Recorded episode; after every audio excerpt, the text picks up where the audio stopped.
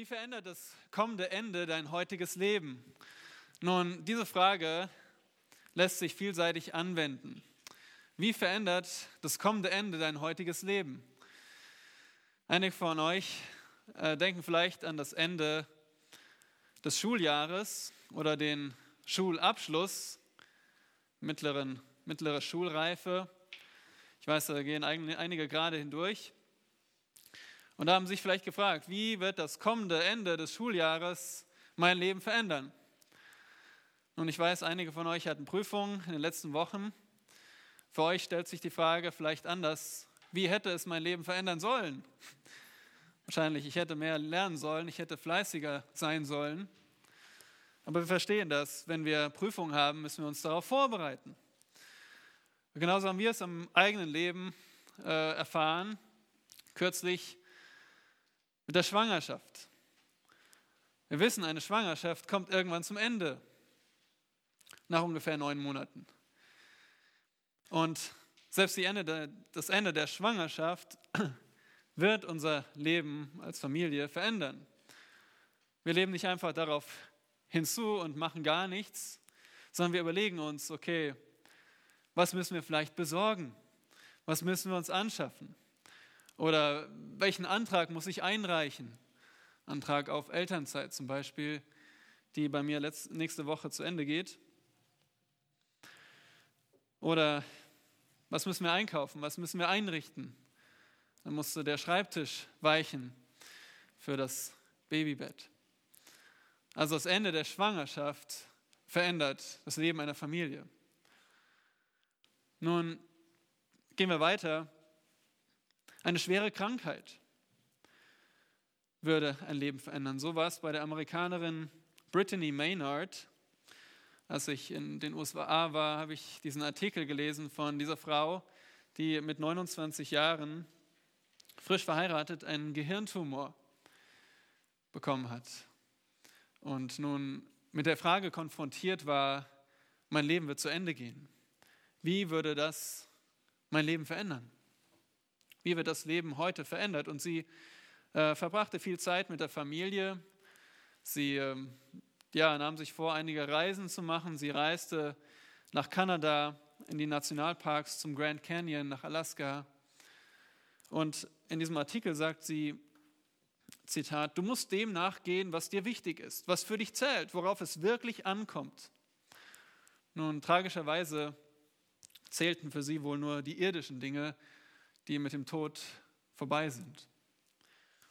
Ich denke, wir verstehen die Botschaft dieser Beispiele. Das kommende Ende verändert unser heutiges Leben. Und die Realität ist, dass wir alle auf das Ende warten. Wir alle sind in dieser Situation, dass wir mit dem Ende konfrontiert sind und unser heutiges Leben verändert werden muss. Ich meine etwas viel Bedeutsameres als das Ende deines Lebens. Das wissen wir, dass wir irgendwann sterben, dass das Leben ein Ende findet. Aber ich meine noch etwas viel Bedeutsameres als dein Leben, sondern ich meine das Ende dieser ganzen Welt, aller Dinge. Das Leben auf der Erde ist nicht nur ein Kreislauf, wie manche falsche Religion es glauben. Nein, in Gottes Augen hat die Geschichte einen klaren Anfang und ein klares Ziel. Und das Ziel ist die Wiederherstellung von Gottes Ehre auf dieser Erde. Und die Bibel sagt, dass diese Zeit des Endes jeden Moment eintreffen kann. Das Ende kann in jedem Moment kommen. Und darum muss dieses kommende Ende unser Leben verändern. Das kommende Ende muss deine Prioritäten ausrichten. Das Ende muss deinen Einsatz zentrieren. Dieses Ende muss deine Bestrebungen filtern. Und es muss jede Entscheidung deines Lebens überschatten. Und so wird offenbar werden, was, was dir wirklich wichtig ist, was mir wirklich wichtig ist, wofür wir uns einsetzen.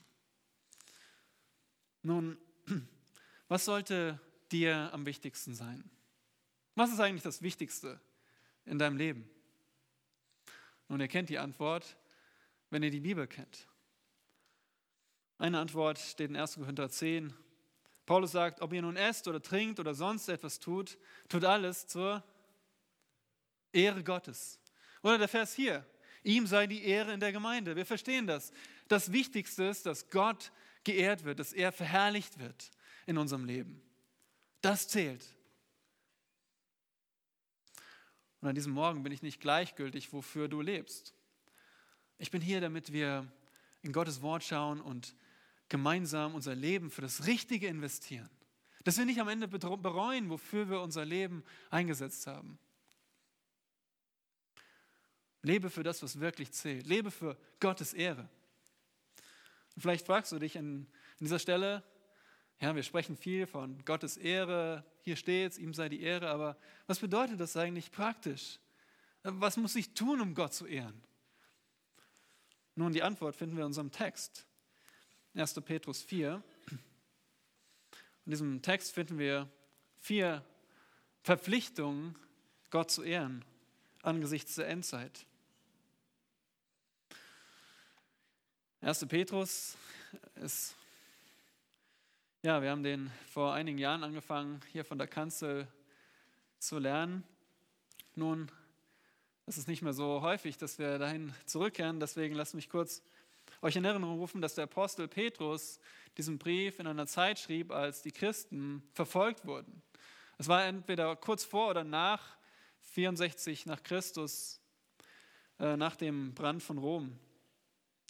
Und er schrieb diesen Brief an äh, die Gläubigen in Kleinasien, was die heutige Türkei ist, also eine Fläche größer als Deutschland. Stellt euch vor, ein, ein Brief geht an alle Gemeinden in Deutschland heutzutage. Wie viele Gemeinden das wohl wären. Und Petrus schreibt diesen Brief, das sehen wir am Ende in Kapitel 5, Vers 12, um zwei Dinge zu tun. Er will sie die Gläubigen in der Verfolgung, im Leiden ermahnen und ermutigen. Ermahnen, weil sie immer noch nach der Heiligung streben sollen und ermutigen, weil sie in der Gnade Gottes stehen. Und wir müssen verstehen, was diese Gläubigen, in welcher Situation sie waren. Sie waren voller Glauben. Ja, sie haben Christus verkündigt. Sie waren Vorbilder für gute Taten, ein Musterbürger. Und dennoch wurden sie verlästert. Sie wurden für, ihre, für Gutes tun verleumdet. Ja, als, als Übeltäter wurden sie verleumdet. 2 Vers 12 zum Beispiel. Oder ihr guter Wandel wurde verlästert. Und so ist dieser Brief sehr schwierig zu schreiben. Aber Petrus macht genau das Richtige. Schaut mal in Kapitel 1, Vers 3. Womit beginnt er? Mit dem Lob Gottes der uns aufgrund seiner großen Barmherzigkeit wiedergeboren hat zu einer lebendigen Hoffnung durch die Auferstehung Jesu Christi, was wir nächste Woche feiern. Und er, er stellt diese Hoffnung ins Rampenlicht. Ich habe den Eindruck, manchmal schämen wir uns dafür, Christ zu sein.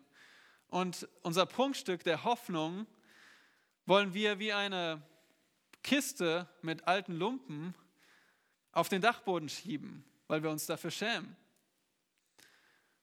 Aber unsere lebendige Hoffnung gehört ins Rampenlicht. Das macht Petrus. Das Gold der Pharaonen ist immer noch hier.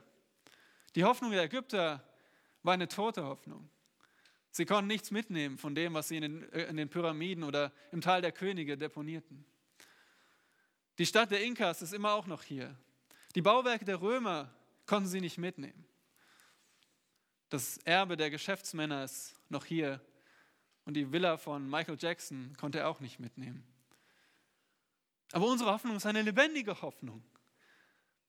Unsere Hoffnung wird nicht zunichte werden, weil Christus auferstanden ist. Und das war das Wichtigste in dem Leiden der, der Gläubigen in Kleinasien. Damit beginnt Petrus. Und ohne diese Hoffnung gäbe es, ergebe dieser Brief keinen Sinn. Nun, wir sind nicht mehr in Kapitel 1, aber ich orientiere mich gerne in dem Brief anhand von zwei Anreden, Geliebte. Also nachdem Petrus über die Errettung gesprochen hat. In 2 Vers 11 seht ihr zum ersten Mal Geliebte. Und dann auch in 4 Vers 12 seht ihr Geliebte. Und so können wir gut über den Petrusbrief als drei Teile nachdenken. Der erste Teil bis zum ersten Mal Geliebte, wo Petrus über die Errettung und die Folgen spricht. Und dann ab 2 Vers 11 über Gottes Ehre in einer feindlichen Welt. Da spricht er davon, dass wir uns unterordnen sollen, dass wir, äh, im, wie wir richtig leiden, dass wir äh, nicht vergelten, sondern dass wir das Gute tun, was sehr schwer ist, aber wozu wir befähigt sind. Und ihr seht schon, unser Text heute ist am Ende von diesem zweiten Teil, kurz bevor das zweite Mal die Geliebten angesprochen werden.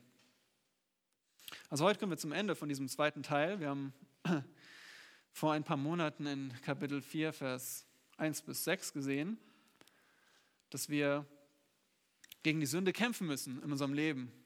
Dass wir motiviert sein sollen, um gegen die Sünde zu kämpfen, um trotzdem das Richtige zu tun. Auch wenn die Welt um uns herum in allen möglichen Sünden lebt und daran Gefallen findet, sollen wir das Richtige wählen. Und wenn ihr schaut in Kapitel 4, Vers 5 und 6, da hat Petrus schon auf die Zukunft geblickt und gesagt, warum sollt ihr rechtschaffen leben? Nun, weil das Gericht kommt, weil Christus kommt und jeder dem, ihm Rechenschaft geben muss, weil er die Lebendigen und die Toten richten wird. Und ja, auch wenn ihr von den Menschen verachtet und gerichtet werdet, ihr lebt, ihr habt ewiges Leben, ihr lebt im Geist. Und damit ist Petrus schon bei der Zukunft. Und jetzt geht es einfach weiter mit dem Blick auf die Zukunft. Das ist der Zusammenhang. Und Petrus fragt, wie ist die Zukunft bedeutsam für unser gegenwärtiges Leben? Darum vier Verpflichtungen, Gott zu ehren angesichts der Endzeit. Lass mich das kurz erläutern. Verpflichtungen nenne ich es, weil wir in diesem Brief, in diesem Kapitel, äh, besser gesagt in diesem Abschnitt, vier Befehle finden. Und das sind nicht nur Wünsche, sondern Verpflichtungen, Befehle an uns. Und diese Verpflichtungen haben wir angesichts der Endzeit, weil der erste Vers alles überschattet. Aber diese Verpflichtungen haben ein Ziel, nämlich dass wir Gott ehren. Das ist das, der Zweck von all diesen Befehlen. Wir leben nicht ein moralisches, christliches Leben, weil es vielleicht ja, der Lebensstil ist, der uns, wo unser Leben einfach am, am besten akzeptiert ist oder wo wir am meisten Vorteil haben, sondern weil es der Weg ist, um Gott zu ehren. Das ist der Zweck dabei.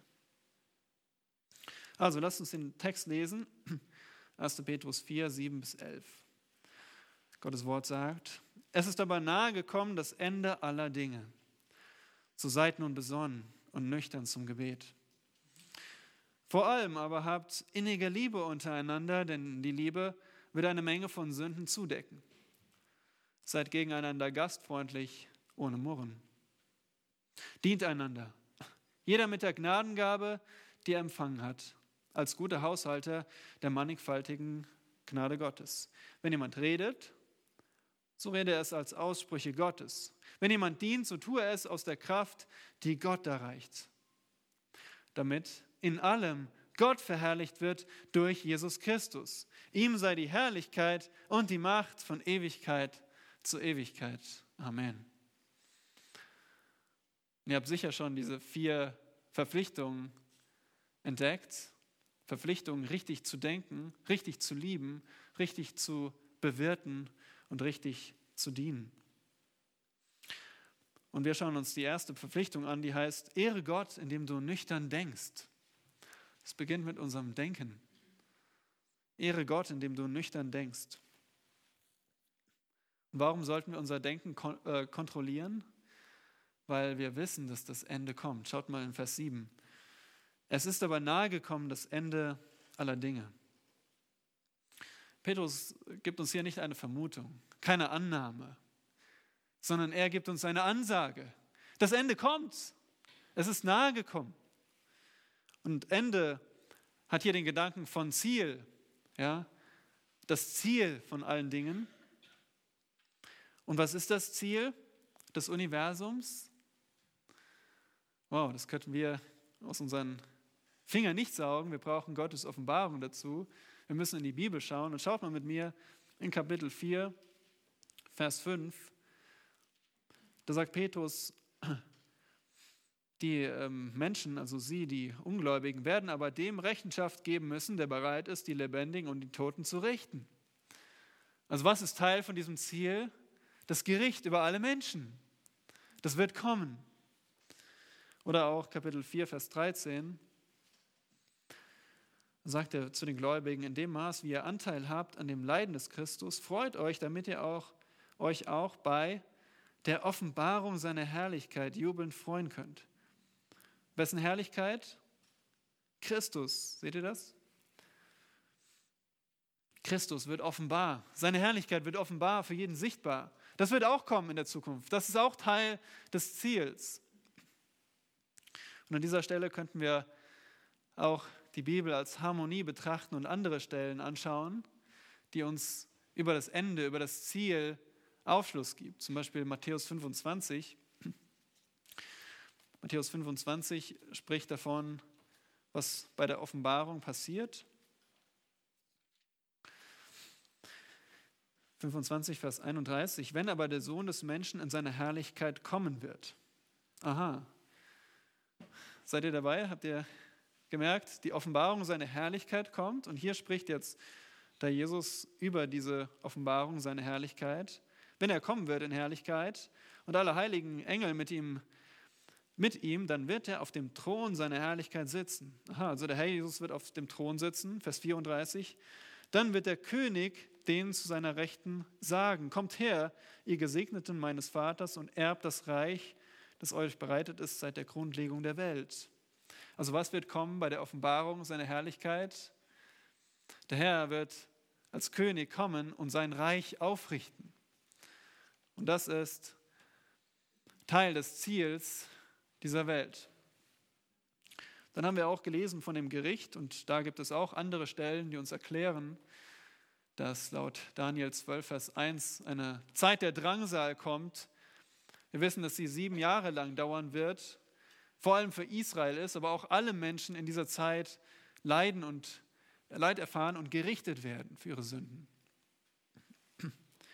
Das Zorn über alle Menschen kommt. Warum? Weil die diese menschliche Regierung auf dieser Welt beendet werden muss, bevor der König kommt mit seinem Reich. Also, fassen wir mal zusammen, was ist das Ziel des Universums? Was ist das Ziel? Nun, es beginnt damit, dass eine Zeit des Gerichts kommt, der Drangsal, sieben Jahre. Danach kommt Christus wieder, seine Herrlichkeit wird offenbar und er regiert in seinem Reich auf der Erde. Laut Offenbarung 20 wissen wir, dass es tausend Jahre sein werden. Und in 1. Korinther 15 sehen wir dann, dass nach dem Ende von diesem Reich der Jesus alle Lebendigen und Toten richten wird. Offenbarung 20 und dann 1. Korinther 15 das Reich seinem Vater übergeben wird. Und dann wird Gott in Ewigkeit regieren. Also seine Regierung nimmt kein Ende. Nun sagt Petrus, all das ist nahe gekommen. Das meint er mit dem Ende, versteht ihr? Weswegen wir jetzt diesen, diese Zusammenfassung gemacht haben. Das meint Petrus mit dem Ende. Die Gläubigen wussten, was, ähm, sie waren gut gelehrt. Er braucht es nicht auszuführen, aber sie wussten, was das Ende beinhaltet. Das Gericht Gottes und die Regierung Gottes. Und er sagt, all das ist nahe gekommen. Nun, jetzt fragen wir uns, wie nahe? Wie viele Jahre? Wie viele Tage? Aber Petrus gibt hier keine Zeitangabe.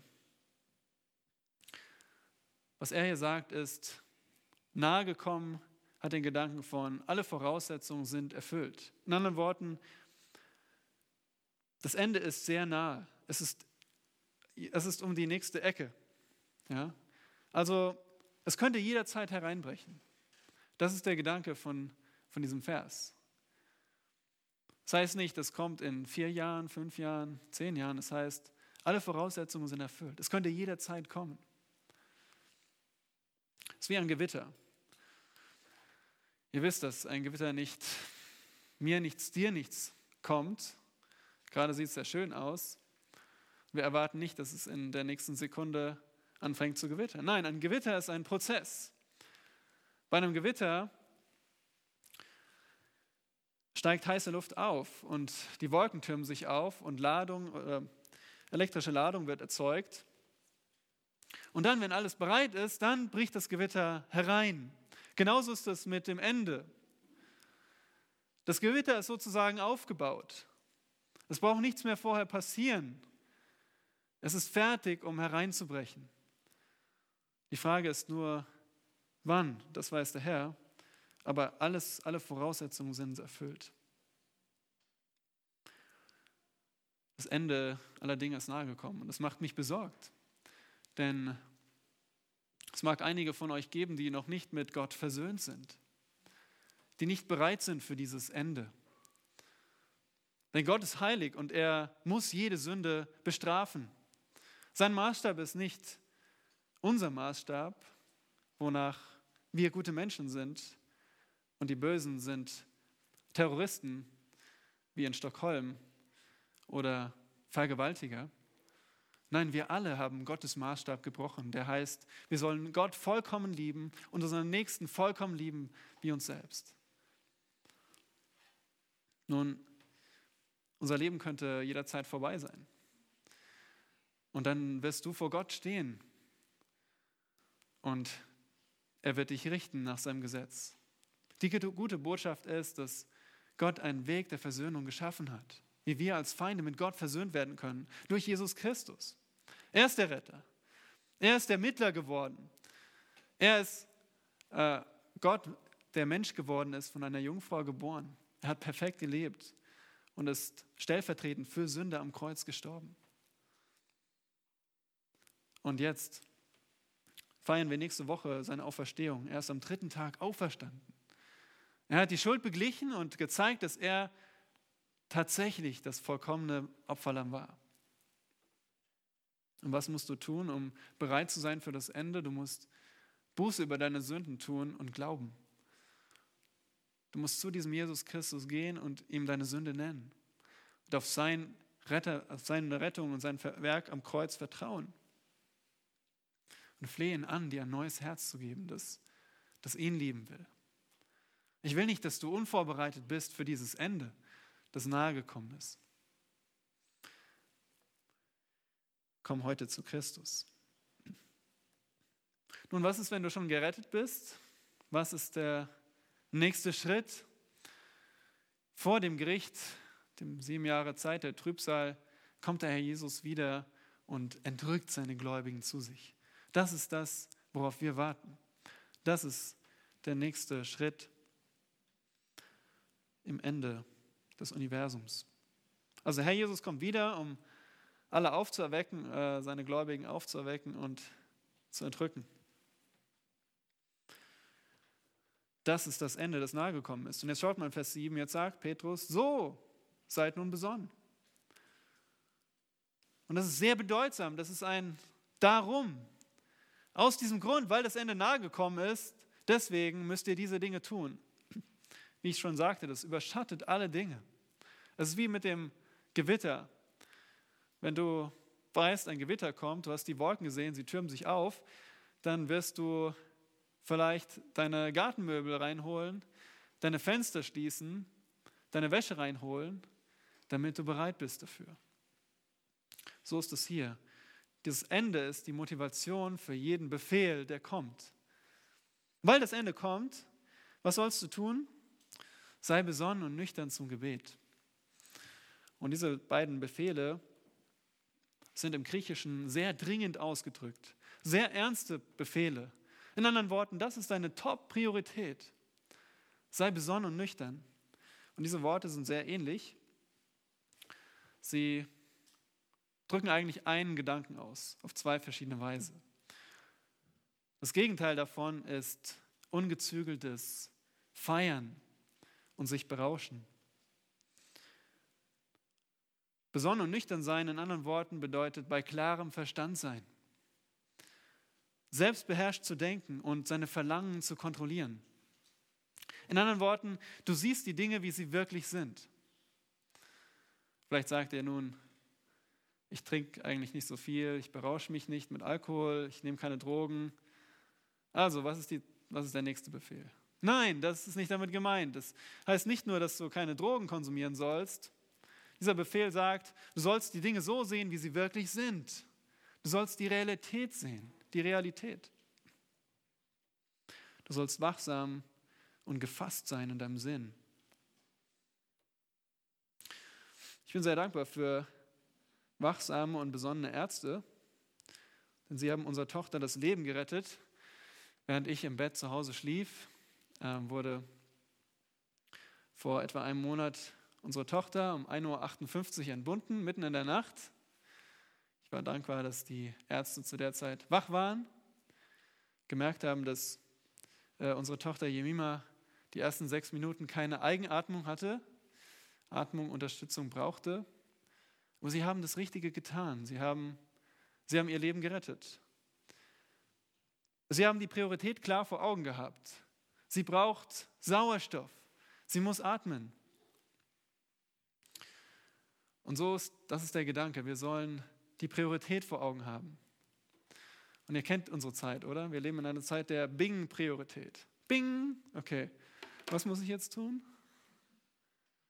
Priorität hat, was als nächstes per Nachricht oder E-Mail kommt. Nun, was gibt dir klare Sicht auf die Priorität? Nicht dieses Gerät, sondern das Wort Gottes. Die Bibel zeigt uns die Dinge, wie sie wirklich sind. Sie erleuchtet unsere Augen. Gottes Wort ist das Licht und wir verlieren leicht den Blick auf die Realität. Wir könnten zum Beispiel glauben, wir haben noch viel Zeit, oder? Das hören wir häufig in der Welt. Der Tod wird hinausgeschoben. Wir haben Zeit. Wir haben Zeit, die Ungläubigen zu evangelisieren oder dringlich ist, was wir essen und trinken, was wir anziehen. Das, darum geht es. Ja? Wie sind wir nächste Woche versorgt?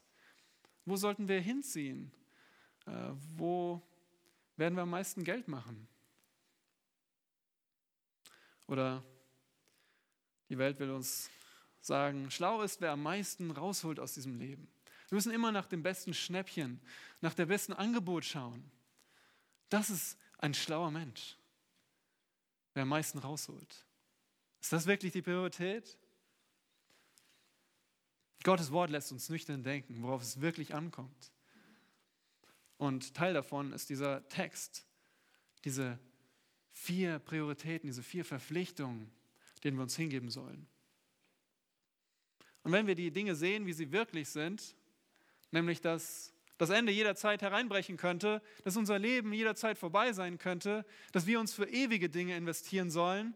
Wenn wir diese Dinge sehen, dann werden wir etwas tun. Petrus sagt, seid besonnen und nüchtern zum Gebet. Wir werden beten. Und wörtlich heißt es hier Gebete, also in der Mehrzahl, also mehrere Arten und Zeitpunkte des Gebets. Nicht nur ein Standardgebet, wir werden nicht uns hinknien und und das Vaterunser jedes Mal aufsagen, nein, wir werden zu unterschiedlichen Zeitpunkten und unterschiedlichen Situationen beten. Und das Gebet wird unserer Gesinnung entspringen. Warum beten wir nicht so viel? Ich würde sagen, weil unser Denken nicht nüchtern ist, weil wir nicht die Dinge so sehen, wie sie wirklich sind. Weil wir vielleicht denken, wir haben noch genug Zeit, weil wir denken, wir haben es in der Hand, weil wir denken, irdische Dinge sind viel wichtiger, als was ähm, ewige Dinge anbetrifft. An, an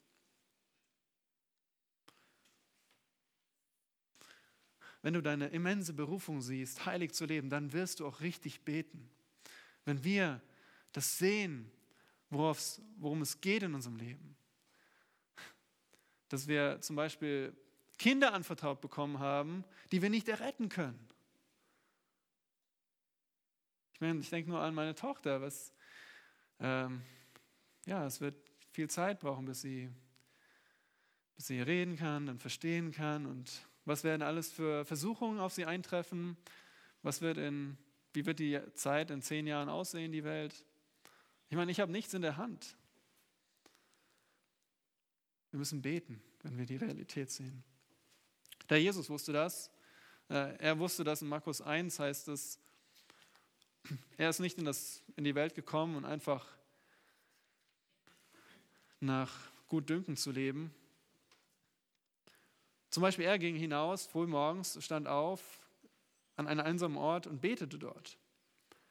Und dann kamen die anderen Jünger und sagten, Markus 1, Vers 37, jedermann sucht dich. Und der Jesus sagte, Vers 38, lasst uns in die umliegenden Orte gehen, damit ich auch dort verkündige, denn dazu bin ich gekommen. Der Jesus wusste seine Priorität. Er hat klar gedacht. Er war niemals berauscht. Er war niemals, hat niemals einen verschwommenen Sinn gehabt. Er wusste immer genau, was ist meine Priorität. Und was hat er getan? Er hat gebetet. Und er ist unser Vorbild. Und darum denke nüchtern. Lass, dein, lass deine Gedanken von Gottes Wort kontrollieren. Wir müssen über Gottes Wort nachsinnen, nicht nur lesen, nachsinnen. Es muss unser Denken kont äh, kontrollieren. Und dieser Befehl hier ist in der Mehrzahl. Also seid besonnen. Habt ihr das gemerkt? Seid besonnen. Wir denken automatisch immer an uns selbst, ja? Okay, ich muss besonnen sein. Aber dieser Vers, dieser Befehl geht an alle Gläubigen, an die Gemeinde. Wir alle sollen besonnen und nüchtern sein. Das heißt, du bist verantwortlich auch für deinen Nachbarn, für deine Geschwister, dass wir uns gegenseitig helfen, nüchtern zu denken. Wenn du merkst, dass jemand von der Denkweise dieser Welt beeinflusst ist, dann hilf in der Liebe, dass wir nüchtern denken dass wir unsere alle Dinge aus der Perspektive Gottes von Gottes Wort sehen und dann suche das Gebet. Ich denke, es wird automatisch gehen, wenn wir nüchtern denken. Das sagt die Bibel. Also Gott zu ehren beginnt mit einem nüchternen Verstand. Und nicht jeder Punkt wird so lange dauern, aber dieser Punkt ist wirklich, diese Verpflichtung ist die Grundlage für alles andere. Wenn unser Denken nicht stimmt, dann werden unsere, auch unsere Handlungen und Taten nicht stimmen. Unser Denken muss nüchtern sein. Was ist deine zweite Verpflichtung, Gott zu ehren angesichts der Endzeit? Vers 8. Ehre Gott, indem du beharrlich liebst. Und das ist der erste von drei Einanderbefehlen. Ja, wo es hier heißt, vor allem aber habt innige Liebe untereinander. Etwas, das wir untereinander haben sollen. Da geht es um Beziehungen. Und all diese Befehle hängen vom ersten Befehl ab, grammatikalisch im Griechischen. Das heißt, äh, wir sollen nicht mit der Liebe anfangen, sondern mit unserem Denken anfangen. Wenn unser Denken richtig ist, dann folgt daraus, dann sind wir bereit für die richtige Liebe. Und schaut mal auf den Stellenwert der Liebe. Vor allem aber, Petrus äh, setzt hier die Liebe auf einen, einen hohen Podest, auf einen, es hat eine alles überragende Priorität. Und hier geht es um Liebe in der Gemeinde. Ja? Liebe im Kontrast zu das, was die Welt vielleicht Liebe nennt. Liebe ist nicht selbstsüchtige Lust. Liebe sucht nicht den eigenen Vorteil. Bei Liebe geht es nicht um dein eigenes Wohlbefinden und deine eigene Wellness. Bei Liebe geht es nicht um den eigenen Spaß. Was ist Liebe eigentlich? Und ich gehe da immer gerne zu 1. Johannes 4. Was ist Liebe? Wenn euch jemand fragt, 1. Johannes 4, Vers 9. Darin ist die Liebe Gottes zu uns geoffenbart worden, dass Gott seinen eingeborenen Sohn in die Welt gesandt hat, damit wir durch ihn leben sollen. Also was ist Liebe? Gott hat seinen Sohn in die Welt gesandt. Wozu? Um ihn uns zu geben. Also Liebe ist geben. Liebe, die Gottes Liebe hat etwas getan. Weil Gott uns liebte, hat er seinen Sohn gesandt in diese Welt. Das war keine schöne Businessreise, sondern es war der Abstieg in das Loch des Schmutzes und der Sünde. Natürlich war der Herr Jesus ohne Sünde und vollkommen, aber er wurde in dieses Loch hinabgeschickt in unsere Welt. Gott hat gegeben. Liebe ist geben für das Wohl des anderen. Vers 10. Darin besteht die Liebe nicht, dass wir Gott geliebt haben, sondern dass er uns geliebt hat und seinen Sohn gesandt hat als Sühnopfer für unsere Sünden. Liebe gibt das Opfer. Liebe sucht nicht nur das Wohl des anderen, sondern Liebe ist bereit, Opfer und Risiko zu leiden, damit es dem anderen gut geht. Das ist Liebe. Liebe ist geben und, und opfern damit es dem anderen gut geht. Und wisst ihr was? Liebe empfindet Freude daran. Gott musste nicht gezwungen werden, sondern er ist Liebe. Er wollte das. Genauso sollen wir sein, dass wir das wollen. Dass wir Freude haben, echte Freude, wenn es dem anderen Geliebten gut geht. Und das ständig, denn dieses Verb hier, vor allem aber habt, ist eine, bezeichnet eine andauernde Tätigkeit, Handlung. Wie soll diese Liebe sein? Vor allem aber habt innige Liebe. Und innig beschreibt hier ein Pferd, das bei vollem Galopp ist. Oder ein Muskel, der angespannt ist unter der Belastung. Also stellt euch euren Lieblingsathleten vor. Und ähm, vielleicht, wie er gerade, gibt es meist diese Poster, wo gerade schießt oder den Korbleger macht und du siehst jeden Muskel auf diesem Bild. Das ist das Wort innig. Oder denkt an das Pferd, das gerade im Galopp ist und dieses Bild gerade in Aktion. Und auch dort sieht man die Muskeln der starken Vorder- und Hinterbeine. So sollen wir lieben, beharrlich und unveränderlich und beständigt. Und zwar kontinuierlich. Nun, wie sollen wir lieben?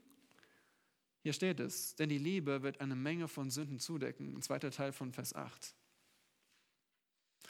Liebe deckt zu. Und das ist hier eine allgemeine und eine zeitlose Wahrheit. Nun, was bedeutet das nicht? Es bedeutet nicht, dass wir Sünde übersehen und ignorieren. Habt ihr es schon mal gehört? Ja, ich weiß, er hat gesündigt, sie hat gesündigt, aber ich decke es zu. In anderen Worten, ich schaue darüber hinweg. Aber ich glaube, das ist nicht, was hier steht. Das ist nicht damit gemeint. Wir sollen über Sünde nicht hinwegsehen. Warum? Nun, dieser Vers hier ist sehr ähnlich und ich glaube, er kommt aus Sprüche. Petrus hatte Sprüche 10, Vers 12. Sprüche 10, Vers 12 in, in dem Hintergedanken oder vor Augen besser gesagt. Sprüche 10, Vers 12. Schaut mal, wie ähnlich dieser Vers ist. Sprüche 10, Vers 12 heißt es, Hass erregt Streit, aber die Liebe deckt alle Verfehlungen zu. Seht ihr? Der zweite Teil, oder? Liebe deckt alle Verfehlungen zu. Nun, bei den Sprüchen ist es so, dass sich ähm, das Gedanken parallel zueinander stehen. Was ist der erste Gedanke? Schaut mal am Anfang. Hass erregt Streit. Ist das eher im Vergleich zum zweiten Teil äh, etwas Ähnliches oder eher das Gegenteil? Gegenteil, genau. Das heißt, Liebe deckt Verfehlungen zu, ist das Gegenteil von Streit erregen. Okay, das speichern wir mal ab. Es geht also nicht darum, dass wir Streit suchen, sondern dass wir Versöhnung suchen. Das, das, ist, das wäre hier das Richtige. Nun, dieses Wort Liebe deckt zu, ist ein hebräisches Wort, denn wir finden es im Alten Testament. Und dieses Wort finden wir auch im Psalm 32, interessanterweise. Psalm 32 ist ein Bußgebet von David. Und da heißt es im Psalm 32, Vers 1, ihr kennt den vielleicht auswendig, wohl dem, dessen Übertretungen vergeben, dessen Sünde zugedeckt ist. Selbes Wort wie Sprüche 10. Auch hier sehen wir wieder etwas Paralleles, okay? Wozu ist Zudecken parallel? Vergeben, oder? Wohl dem, dessen Übertretung vergeben, dessen Sünde zugedeckt ist. Übertretung ist parallel zu Sünde, Zudecken ist parallel zu vergeben. Okay, also zurück zu Petrus. Was heißt es, dass wir Sünde zudecken? Dass wir Sünde vergeben. Vergeben. Nun, was ist Vergebung? Wir haben nicht die Zeit, im Einzelnen das, uns die Stellen anzuschauen, aber vergeben. Vergeben heißt nicht vergessen. Das hören wir häufig, oder? Vergeben, man muss vergessen. Versucht man das zu vergessen. Okay, ich versuche jetzt nicht daran zu denken, dass er mich ein Blödmann genannt hat. Warum hat er mich nur Blödmann genannt? Nein, vergeben ist nicht vergessen. Vergessen ist nichts Aktives, das wir tun können. Nein, Vergebung bedeutet, wir müssen wie Gott vergeben. Und wenn wir in die Schrift schauen, ich kann euch gerne später die Stellen nennen, sehen wir, dass Vergeben ein dreifacher Entschluss ist. Erstens, Vergeben heißt, nicht über das Vergehen weiter nachzusinnen. Das sehen wir im Psalm 103, Vers 11 bis 12. Zweitens heißt es, das Vergehen nicht wieder gegen den anderen aufzubringen und vorzuhalten. Kolosser 2, Vers 13 bis 14. Das schließt Rache aus. Und drittens heißt es, nicht mit anderen über das Vergehen zu reden. Matthäus 18, 15 bis 16. Das Vergeben heißt, nicht weiter darüber nachzudenken, es nicht gegen den anderen vorzubringen und auch nicht darüber zu reden mit anderen. Und darum müssen wir Sünde vergeben und damit biblisch umgehen. Und es ist so wunderbar, dass in Gottes Vorsehung heute Morgen Sam über das Thema Konfrontieren geredet hat. Das passt wunderbar. Wir müssen, wenn wir Versöhnung suchen wollen und selbst gesündigt haben, müssen wir unser Vergehen anerkennen, uns abkehren und um Vergebung bitten. Wenn jemand anderes an dir gesündigt hat, dann musst du konfrontieren und und dann vergeben, wenn er oder sie Buße tut. Petrus sagt, wir müssen in jeder Situation 100% der Versöhnung hingegeben sein. Denn Versöhnung ist hier das Ziel, ja? Wie wir in Sprüche 10 gesehen haben. Hass erregt Streit. Was wollen wir eigentlich? Wollen wir den Streit? Wollen wir die Konfrontation im schlechten Sinne? Oder wollen wir Versöhnung? Das ist die Frage. Und vielleicht sagst du jetzt, Du hast gesagt, es gibt kein Zudecken im Sinne von übersehen, aber heißt es, wir müssen jetzt jede Sünde ansprechen? Also der andere hat seinen Teller nicht weggeräumt vom, vom Tisch. Muss ich ihn jetzt konfrontieren? Komm, setz dich mal zu mir. Also ich muss mit dir reden hier. Die Bibel sagt, wir sollen fleißig sein und nein. Wir müssen nicht jede Sünde konfrontieren, aber jede Sünde vergeben, würde ich sagen. Denn Markus 11, ich finde das einen sehr interessanten Vers. Markus 11 sagt, da sagt der Herr Jesus,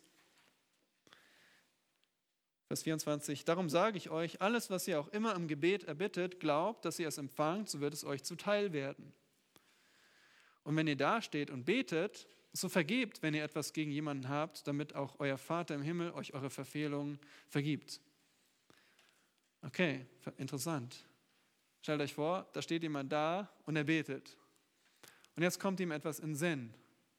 Ihm kommt im Sinn, jemand hat an mir gesündigt. Was soll er tun? So vergebt. Nun, ich frage euch, ist diese andere Person gerade gegenwärtig? Nein. Es kommt demjenigen in Sinn und er vergibt. Einfach in diesem Moment, wo er gerade betet. Das heißt, dem diesem Vers zufolge gibt es eine Vergebung, die nur innerlich geschieht. Aber es ist trotzdem Vergebung, nämlich dieser Entschluss. Ich werde es nicht vorbringen, ich werde nicht darüber reden, ich werde nicht weiter darüber nachdenken. Und so sollen wir mit jeder Sünde umgehen, ob wir sie ansprechen müssen oder ob, sie nur, ob wir nur innerlich einfach vergeben. Petrus sagt, wir sollen Sünde zudecken, das heißt vergeben. Und er sagt eine Menge von Sünden, das heißt es gibt kein Limit. Egal wie oft der andere sündigt. Und dieses Vorbild der Vergebung sehen wir wieder beim Herrn Jesus. Petrus, der hier den Brief geschrieben hat, er war ein sündiger Mann, sagt er vor dem Herrn. Und er hat den Herrn Jesus Christus selbst getadelt für seinen Plan, nach Jerusalem zu gehen. Und er hat ihn in Gethsemane schlief er und dann bei der Festnahme floh er und schließlich verleugnete er Christus dreimal. Was hat der Herr Jesus getan? Petrus war reumütig und der Herr Jesus hat ihm vergeben. Genauso sollen wir vergeben untereinander. Wisst ihr, wenn wir einander nicht mehr vergeben, dann ist unser ganzes Zeugnis ausgelöscht. Dann wäre es besser, wenn diese Gemeinde niemals gegründet, gegründet worden wäre. Wenn unsere Beziehung zerstört ist, ist das Evangelium, das Zeugnis für das Evangelium an diesem Ort zerstört. Und darum müssen wir diese Verpflichtung ernst nehmen, dass wir einander lieben und Sünde zudecken. Das bedeutet Sünde vergeben. Wo hast du die Bemühungen zu lieben aufgegeben, weil jemand dich schlecht behandelt hat?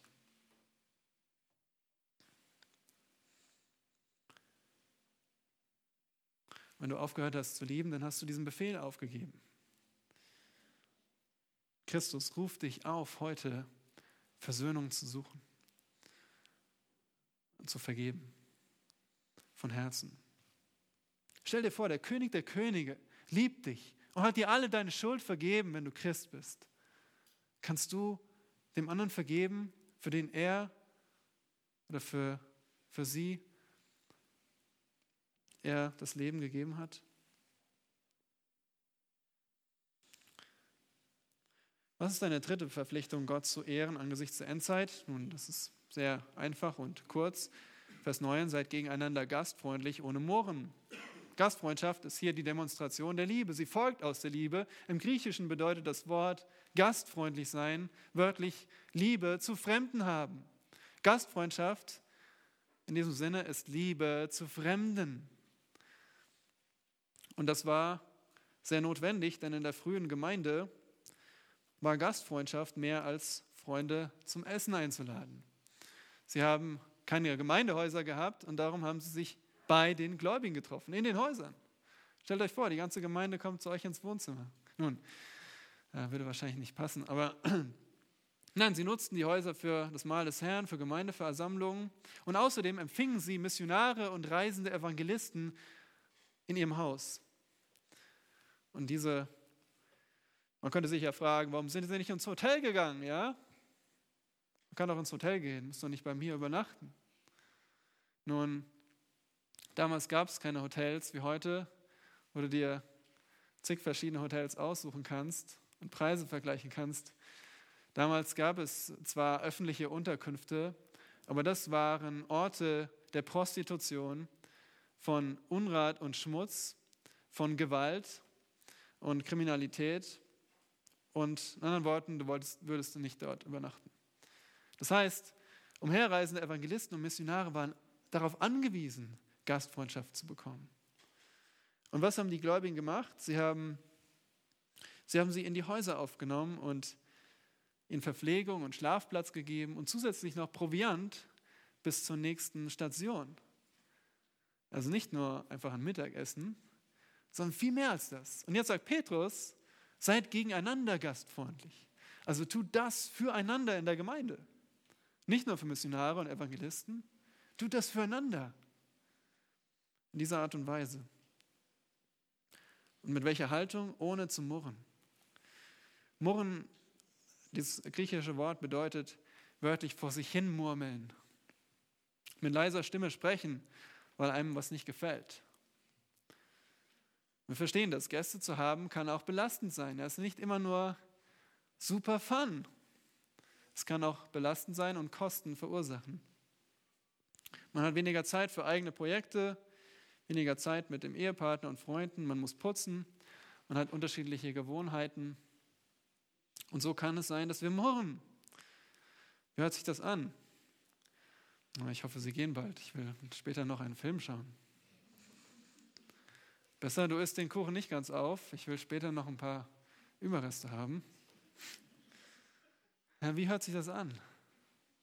Ziemlich selbstsüchtig, oder? Also, dieses Murren ist selbstsüchtig. Und wie sollen wir, was ist ohne Murren? Nicht selbstsüchtig. Wir sollen nicht selbstsüchtig Gastfreundschaft üben. Und dabei wieder auf den Herrn Jesus sehen. In Johannes 14, was sagt er? Vielleicht kennt ihr die Stelle im die Jünger sind gerade bei ihm und sie feiern das Mahl. Und er gibt diese Abschiedsrede. Und er sagt, im Haus meines Vaters sind viele Wohnungen. Wenn nicht, so hätte ich es euch gesagt. Ich gehe hin, um euch eine Stätte zu bereiten. Der Jesus selbst macht Wohnung für uns. Der Jesus selbst ist unser Gastgeber. Er bereitet dir eine himmlische Wohnung. Wie viel mehr können wir unseren Geschwistern eine irdische Wohnung vorübergehend bereiten. Oder einfach gastfreundlich sein. Und darum die Frage, wie nutzt ihr, wie nutzen wir unsere Wohnungen und Häuser? Geben wir uns Mühe, Gäste zu haben oder sagen wir, nein, die müssen ja schon selbst zu mir kommen? Darum suche danach die Bedürfnisse der anderen zu stillen. Öffne dein Zuhause, heiße Gäste willkommen. Und dann mach's mit der richtigen Haltung. Freust du dich für sie zu sorgen oder bist du besorgt über das extra Wasser, das sie verbrauchen? Oder das Essen, was sie essen, die Zeit, die sie dir nehmen? Die Frage ist, die ich mir und wir uns alle stellen, suchen wir unseren eigenen Komfort oder, den, oder das Wohl der Gäste? Das genau zeigt Liebe, dass wir auf das Wohl des anderen suchen. Und darum beweise deine Liebe, indem du Gäste einlädst, auch wenn sie fremd sind. Und an dieser Stelle, ich meine, ich bin so froh, in dieser Gemeinde zu sein und, und Vorbilder zu sehen, einfach wie ihr das macht.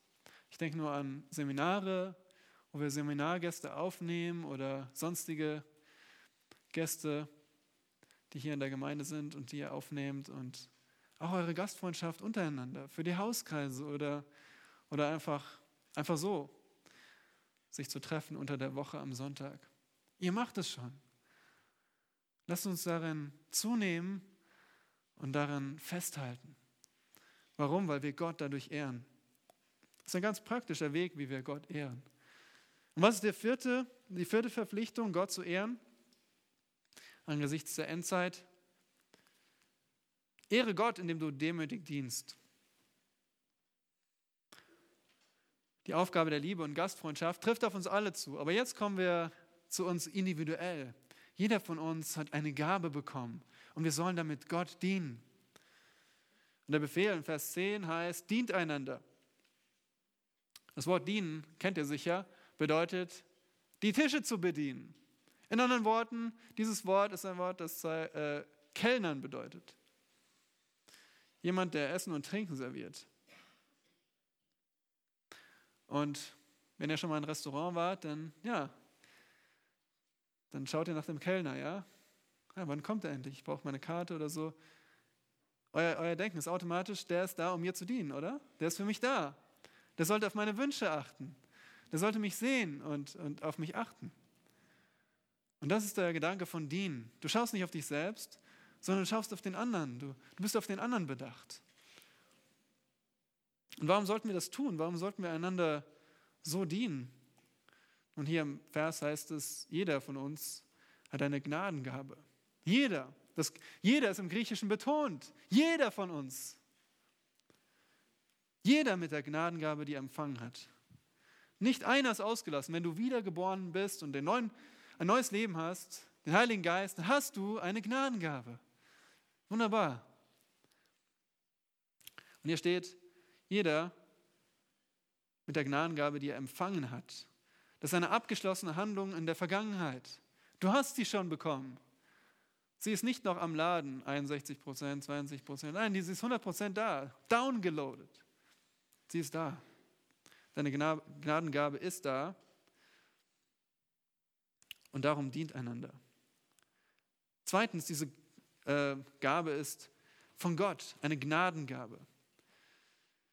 Wir sind Haushalter der Gnade Gottes. Also sie kommt von Gott und sie ist eine Gnadengabe. Das heißt, sie kommt von Gottes unverdienter Gunst. Es ist ein Geschenk.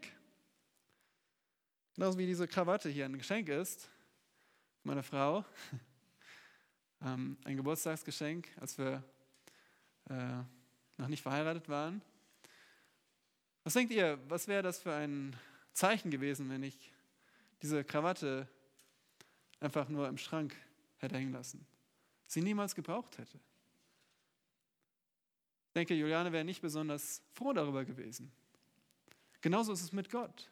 Er hat dir ein Geschenk gemacht, eine Gabe. Und er möchte nicht, dass du sie in den Schrank hängst, dass du einfach dich darum nicht kümmerst. Und darum diene mit deiner Gabe. Und wie? Hier steht es, als Haushalter.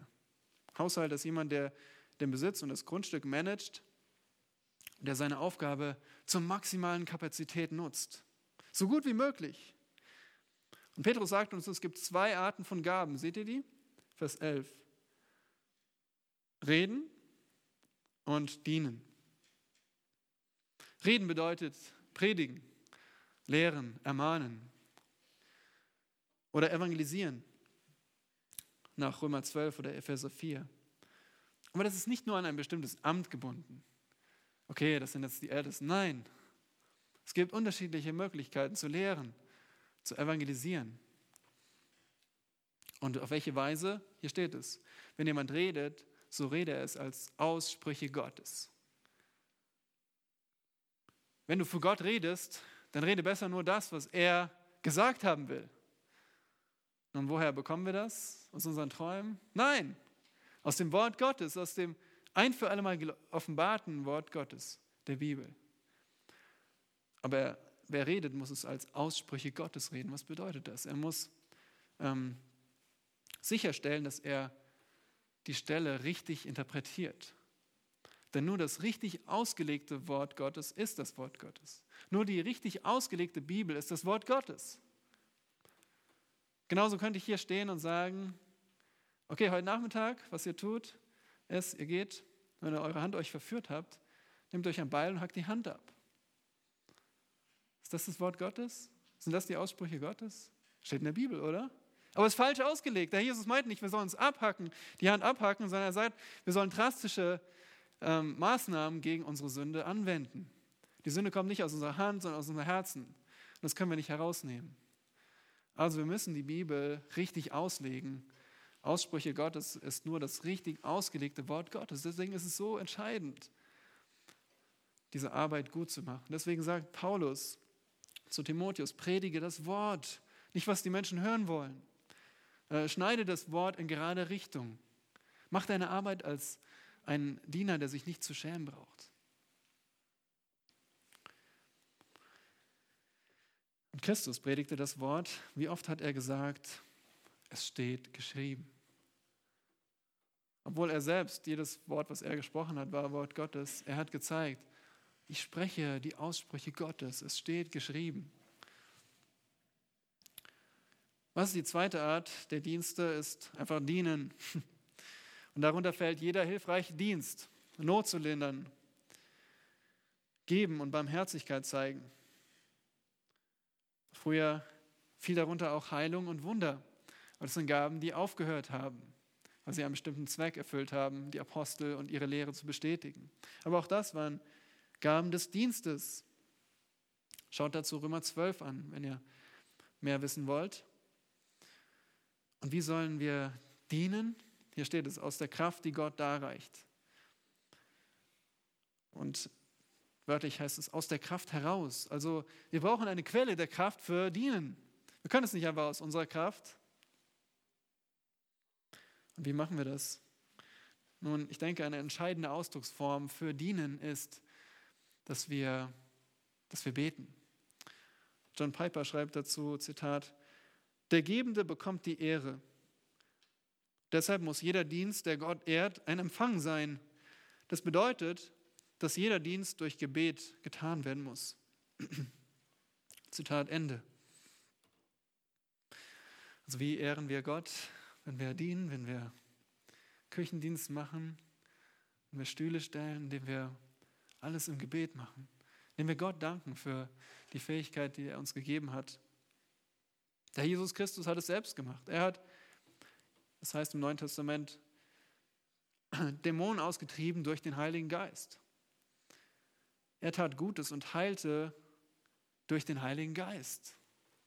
Auch der Jesus hat immer gezeigt, er ist abhängig, um uns ein Vorbild zu geben, dass wir genauso abhängig sind von Gottes Kraft. Darum drei Fragen. Kennst du deine Gabe? Nutzt du deine Gabe? Und mit welcher Haltung nutzt du deine Gabe? Aus dir selbst heraus, zu deiner eigenen Ehre oder aus der Kraft Gottes? Es ist Gottes Wort und Gottes Kraft. Es hängt nicht an dir und mir. Darum diene demütig. Und so sind die vier Verpflichtungen komplett. Der Jesus Christus konnte jederzeit wiederkommen und dann wird er in jedem Winkel dieser Erde geehrt werden. Willst du ihn jetzt schon ehren? Dann denk nüchtern. Es beginnt mit unserer persönlichen Heiligkeit, mit unserer Gemeinschaft mit Gott. Wir müssen unser Denken an Gottes Denken anpassen. Und dann Liebe beharrlich. Ja, lass uns unsere Liebe demonstrieren und uns versöhnen, wo nötig. Und bewerte selbstlos. Schau nicht auf die eigenen Kosten, sondern auf den Gewinn des anderen. Und schließlich diene demütig. Wir sind alle Empfänger von Gottes Gunst und so sollen wir es aus seiner Kraft tun. Aber warte mal, wir haben noch was vergessen.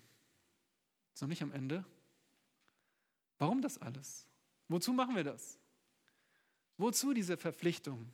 Wollen wir einfach unsere Pflicht erfüllen? Wollen wir einfach gute Pflichterfüller sein? Nein. Das Ziel ist nicht, unsere Pflichten zu erfüllen oder einfach persönlich zu wachsen oder Nöte zu lindern. Nein, es gibt ein viel größeres Ziel und das haben wir noch vergessen hier in unserem Text. Denn unser Text geht noch weiter. Damit, jetzt kommt der Zweck. Pflichten sind nur ein Mittel, um was zu tun? Damit in allem Gott verherrlicht wird. Das ist das Ziel unserer Pflichterfüllung, dass wir Gott verherrlichen.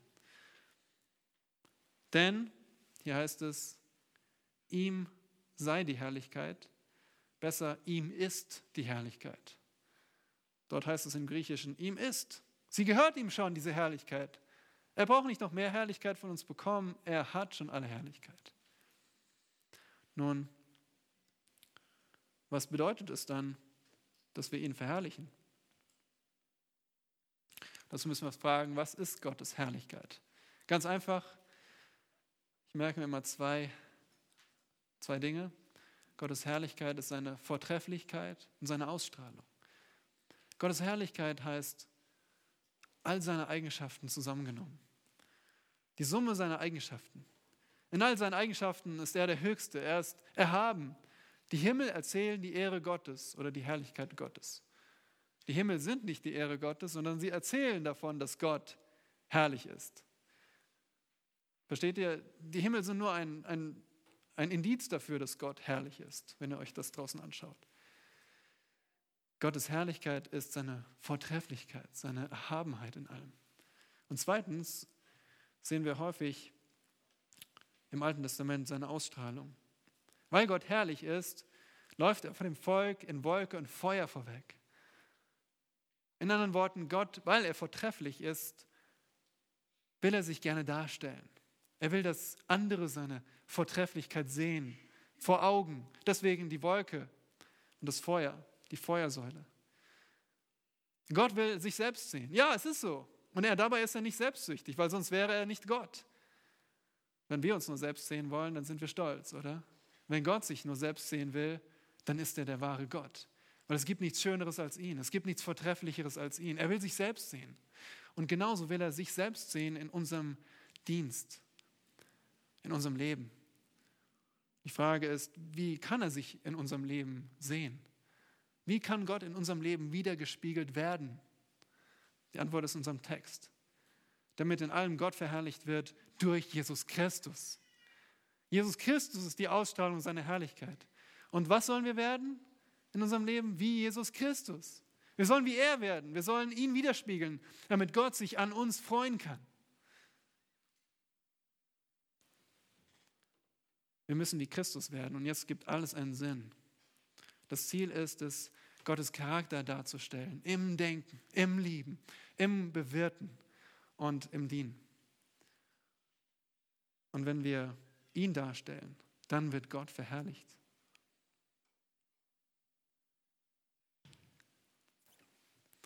Wir können Gottes Größe nicht vergrößern, wir können Gottes Vorrang nicht erhöhen, aber wir können seine Größe widerspiegeln.